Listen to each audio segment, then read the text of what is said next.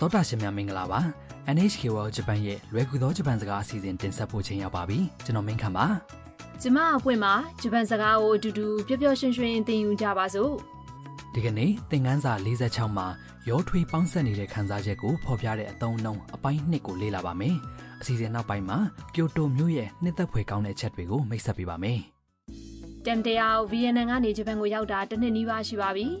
ဟာရူဆန်ဟောက်စ်မှာနေတဲ့သူတွေအားလုံးကယောတူကိုအလဲသွားခဲ့ကြပါတယ်မာချီယာလို့ခေါ်တဲ့အိမ်တစ်မျိုးကိုအသုံးပြုထားတဲ့တဲကိုခဲမှာတဲဖို့သူတို့လုပ်နေကြပါတယ်မာချီယာဆိုတာကလမ်းချင်းချင်းလေးတွေထဲမှာတန်းစီစောက်ထားတဲ့တစ်သားအိမ်လေးတွေဖြစ်ပါတယ်ဟိုးရင်ကကုန်းတွေတွေလက်မှုပညာတွေတွေနေထိုင်ခဲ့ကြတဲ့အိမ်တွေပါ အခုတော့တအိမ်လုံးကိုညံ့အိမ်ညံ့နေတဲခုစရာအဖြစ်ငှားလို့ရတဲ့အိမ်တွေလည်းရှိပါတယ် သင်ခန်းစာ46အတွက်ဇာတ်လမ်းကိုနားထောင်ပါ さあ着いたよごめんくださいおいでやすお部屋はこちらですわあ素敵なお部屋お庭もあります小さいけど綺麗ですね ဝါကြတစ်ကြောင်ချင်းကြည့်ပါမယ် မာချီယာရဲ့ရှေ့ကိုရောက်တော့ဂိုက်တူကပြောလိုက်ပါတယ် さあ着いたよ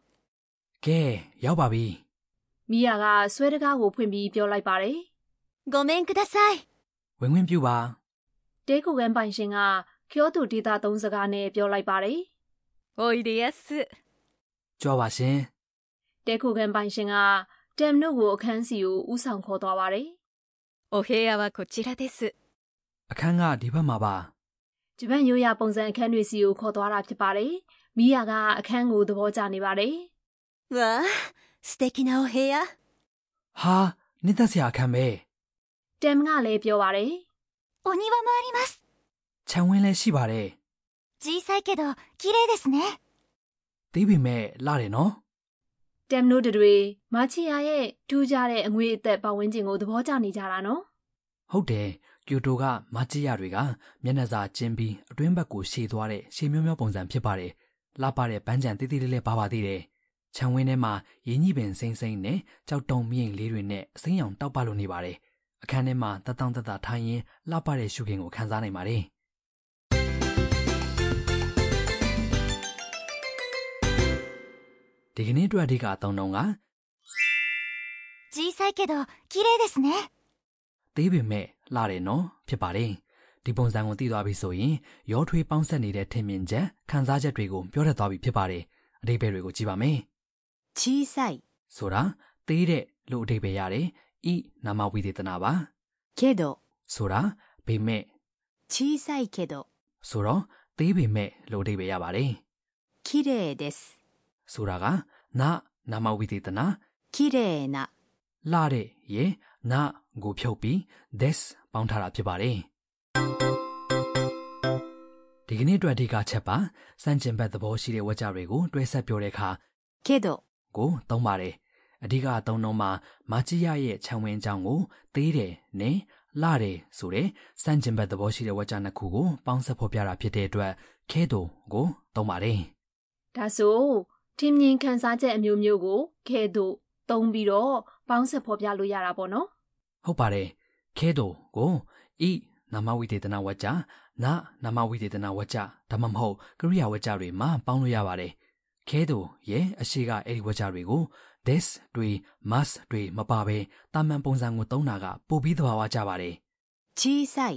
သေးတဲ့ဆိုတဲ့ဤနာမဝိသေသနာက this မပါရင်တာမန်ပုံစံဖြစ်ပါတယ် ။သရရှင်တို့နားထောင်ပြီးနောက်ကနေလိုက်ပြောကြည့်ပါ 小さいけど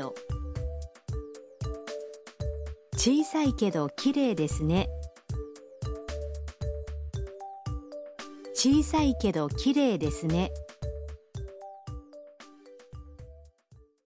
သရရှင်တို့လိုက်ပြောလို့ရကြရဲ့လား အခုတခါစမ်းကျင်ဘက်သဘောရှိတဲ့ထင်မြင်ချက်တွေကိုပေါင်းဆက်ပြီးပြောထားတဲ့ဥပမာစကားပြောတစ်ခုကိုနားထောင်ကြည့်အောင်ဂျပန်လူမျိုးတငယ်ချင်းနဲ့အတူအင်တာနက်မှာခီးသွွားလုပ်ငန်း website ကနေဟိုတယ်ရှာနေတာဖြစ်ပါတယ် このホテルはどうですかうーん綺麗だけど高いですね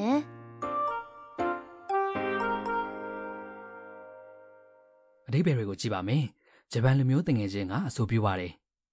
このホテルはどうですか ဒီဟိုတယ်ကိုဘယ်လိုသဘောရပါသလဲ このホテル、 ဆိုတာဒီဟိုတယ် どう ဆိုတာဘလို့လဲလို့အဓိပ္ပာယ်ရတဲ့အမေးစကားလုံးဖြစ်ပါတယ် うーん、綺麗だけど高いですね。 อืมလှပင်မဲ့ဈေးကြီးတယ်နော် うーん、 ဆိုတာမဆုံးဖြတ်နိုင်ပဲဖြစ်နေတဲ့အခြေအနေကိုဖော်ပြနေပါတယ် 綺麗だけど、 ဆိုတာနနမဝိတေသန 綺麗な、 လှတဲ့ကလာတာဖြစ်ပါတယ်ဝါကြပုံစံ 綺麗です。 ကနေတာမန်ပုံစံ 綺麗だ、 ကိုပြောင်းပြီးခဲတို့ပေါင်းထားတာဖြစ်ပါတယ်။နနာမဝိသေသနာနဲ့နန်တွေကိုတာမန်ပုံစံပြုလုပ်တဲ့အခါ this ကိုဖြုတ်ပြီးဒပေါင်းရပါတယ်။ဒီမှာခဲတို့ကိုပေါင်းလိုက်တဲ့အခါဒကေတို့လို့ဖြစ်သွားပါတယ် တရရှင်တို့ပြန်နှားထောင်ပြီးလိုက်ပြောကြည့်ပါ 綺麗だけど。綺麗だけど高いですね。綺麗だけど高いですね。 ။တခြားဥပမာတွေလည်းလေ့ကျင့်ကြည့်ရအောင်။ဒေါက်တာရှင်တို့အပန်းဖြေဥယျာဉ်တစ်ခုကိုသွားခဲ့တယ်ဆိုပါစို့။ပင်ပန်းပေမဲ့ပျော်ခဲ့ပါတယ်လို့တငယ်ချင်းကိုပြောပြရအောင်။ပင်ပန်းတယ်ဆိုတဲ့ကရိယာက 疲れる、 ဖြစ်ပါတယ်။သူရဲ့အတိတ်ကာလပြတာမန်ပုံစံက 疲れた。疲れた、 ပါအဲ့ဒါကထပုံစံကရိယာလည်းဖြစ်ပါတယ်ပြောခဲ့ပါတယ်က 楽しかったです。楽しかったです。 ဖြစ်ပါတယ်စူးစမ်းကြည့်ပါခင်ဗျာ 疲れたけど楽しかったです疲れたけど楽しかったです疲れたけど楽しかったです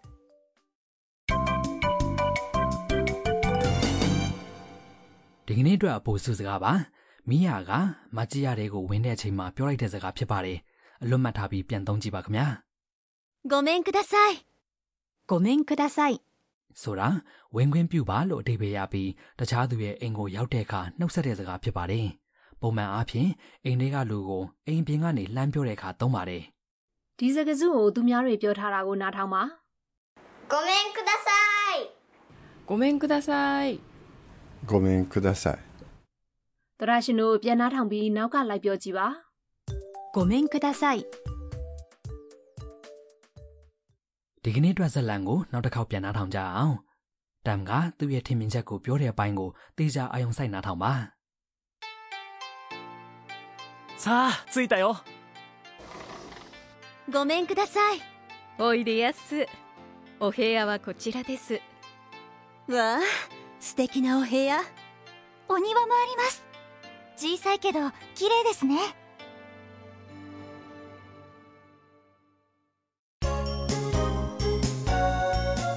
ミーヤーのトラベルガイド。 အခုဆက်ပြီးမိယာရဲ့ခီးသွွားလက်ညွန်ကန်တာပါဒီနေ့တော့ကမ္ဘာမှာထင်ရှားတဲ့လက်ပတ်စရာနေရာတစ်ခုဖြစ်တဲ့ကျောတူအကြောင်းကိုမိတ်ဆက်ပေးပါမယ်ကျောတူမှာကလက်ပတ်ဖို့ကောင်းတဲ့နေရာတွေအများကြီးပဲနော် ။ဟုတ်တယ်။ရှီဟောင်းမြို့တော်ဖြစ်တဲ့ကျိုတိုမှာတက်တန်းရှိကြနေပြီဖြစ်တဲ့ဖျားเจ้าတွေ၊နက်ကွန်တွေ၊ရဲတိုက်တွေ၊ဥယျင်တွေစသဖြင့်အများကြီးရှိပါတယ်။ဥပမာကြောက်ကဘာကနေထိုးထွက်နေတဲ့ပင်မကျောင်းဆောင်ရဲ့ဆင်းတဲ့နာမည်ကျော်တဲ့ခီယိုမီဇူဒေတာဖျားเจ้าလက်ရမြောက်လာတဲ့ကြောက်တုံဥယျင်ရှိတဲ့ဒီဝမ်ကြီးဖျားเจ้าတို့ဖြစ်ပါတယ်။ အဲ့ဒါတွေအပြင်ထိုရီအီလို့ခေါ်တဲ့ဂိတ်ပေါက်တိုင်လုံးတွေစီတန်းနေတဲ့ဖူရှီမီအီနာတီထိုင်ရှာနက်ကွန်နဲ့တောက်ပြောင်ခမ်းထားတဲ့အစင်တစားတွေနဲ့ဆွဲဆောင်နေတဲ့နေဂျိုဂျိုရဲတိုက်ကနန်းဆောင်တွေလည်းရှိပါသေးတယ် ကျောတူမြို့ရဲ့ရက်ကွက်ထဲကိုလှည့်ပတ်ကြည့်ရှုရတာလဲပြောစရာကောင်းပါပဲနော် ။ဟုတ်ပါတယ်။မချီယာအိမ်တွေတန်းစီရှိတဲ့လမ်းတွေမြေကဘာတွေမှာအေးအေးလူလူလမ်းလျှောက်တာမောလာရင်ဂျပန်မုံဆိုင်တွေမှာဝင်စားတာလို့အမျိုးမျိုးခံစားပျော်ရွှင်နိုင်ပါတယ်။တော်တာရှင်တို့လည်းကျိုတိုကိုလာလေကြပါလို့ဖိတ်ခေါ်ချင်ပါတယ်ခင်ဗျာ။ ။သောတာရှင်တို့ဒီကနေ့ရဲ့လွယ်ကူသောဂျပန်စကားအစီအစဉ်ကိုနှစ်သက်ကြမယ်ထင်ပါတယ် နောက်တစ်ပတ်မှာတော့တမ်ကနက်ကွန်းသွားပြီးဘီဒင်ကန်ဆယ်မဲနိုင်ပါမယ်နောက်တစ်ပတ်မှာပြန်ဆောင်ကြမယ်နော် ။